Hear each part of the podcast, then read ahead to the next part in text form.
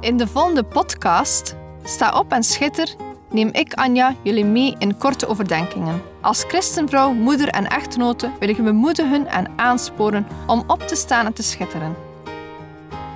We zijn niet gemaakt om in Gods koninkrijk stil te zitten en niets te doen, maar om op te staan en dienstbaar te zijn. In de eerste plaats tien over God, daarna tien over ons gezin, onze partner of onze geloofsgenoten.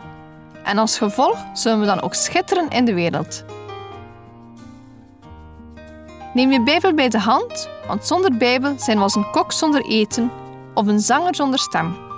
Dus luister naar, sta op en schitter.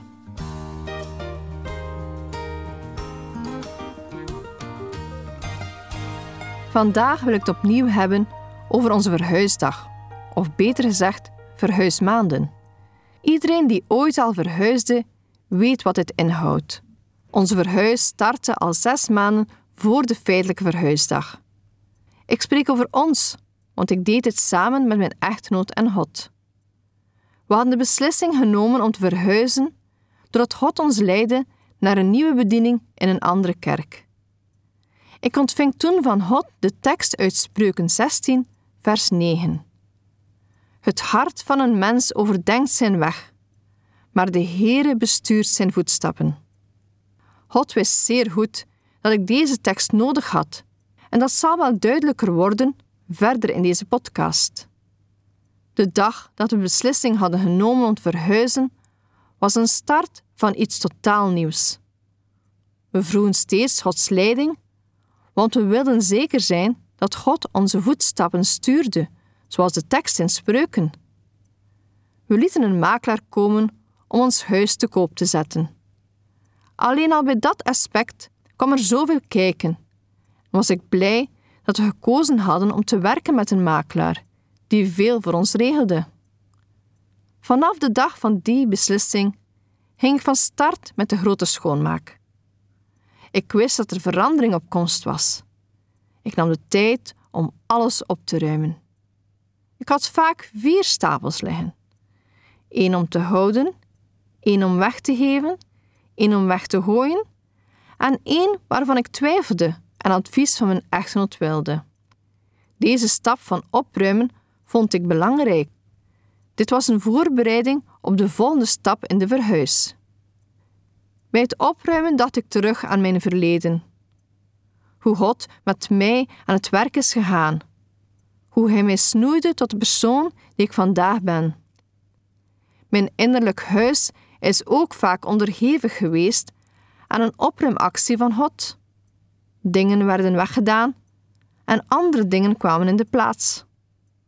Soms liep ik rond met een zware rugzak, terwijl God die wilde afnemen en weggooien.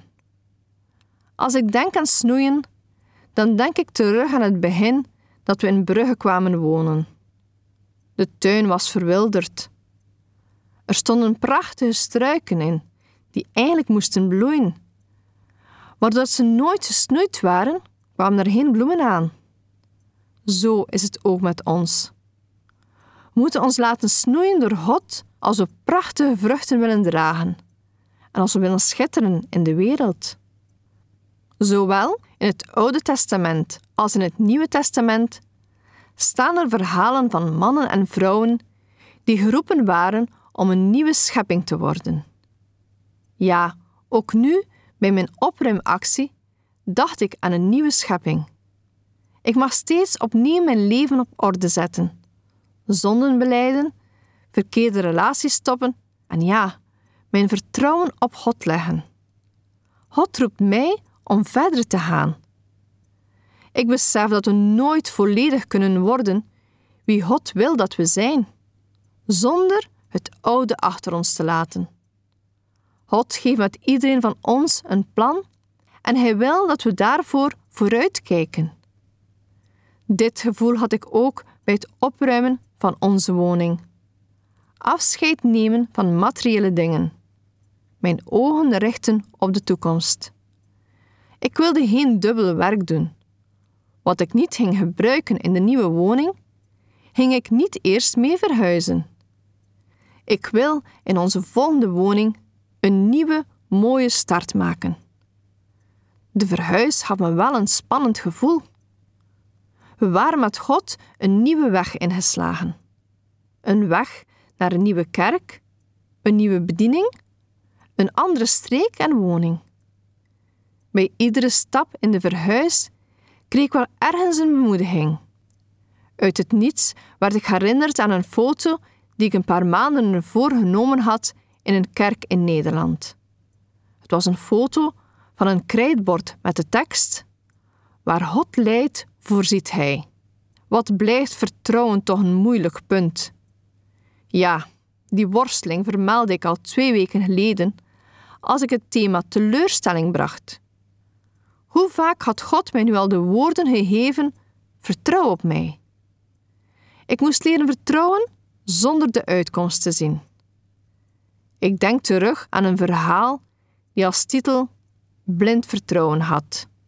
Daar stond het volgende: Blind vertrouwen is als een paard in een brandend gebouw.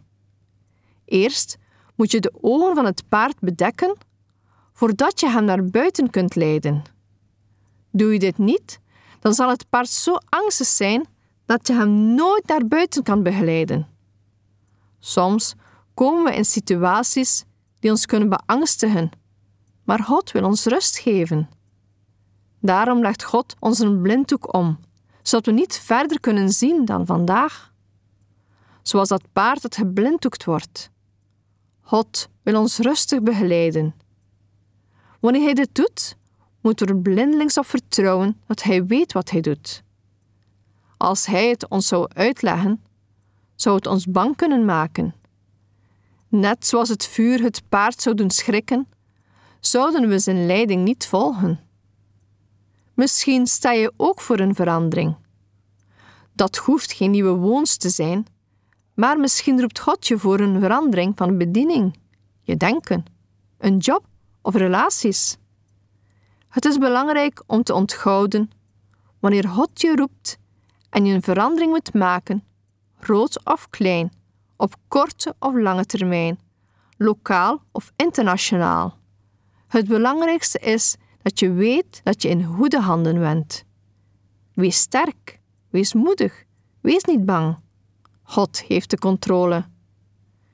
Deze woorden heb ik ook nodig gehad voor ik de stap naar verhuizen heb gemaakt. Ik ben gestart met de tekst uit Spreuken 16, vers 9. Het hart van een mens overdenkt zijn weg, maar de Heere bestuurt zijn voetstappen. Ik heb deze tekst ontvangen van God, omdat ik moest leren nog meer op Hem te vertrouwen. Het hart van een mens overdenkt zijn weg.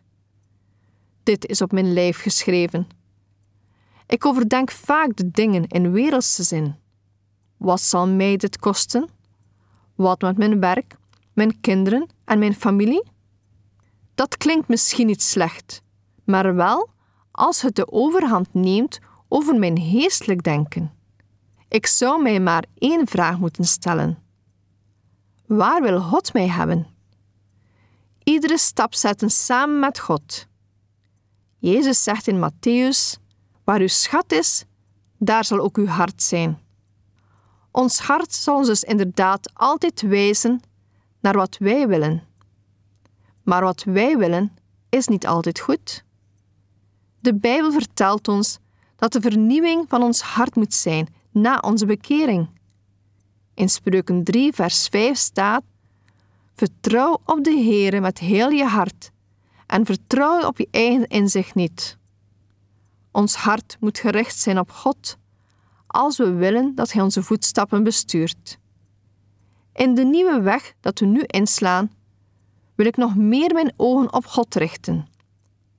Nog intensiever bezig zijn met het bestuderen van Zijn woord. Een nieuwe start. Bij het verder inpakken werd ik geconfronteerd met mijn luxe en overvloed. Had ik dit echt allemaal nodig?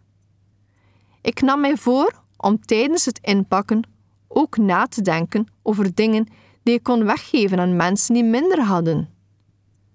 Ik genoot van sommige gezichten wanneer ik iets weggaf.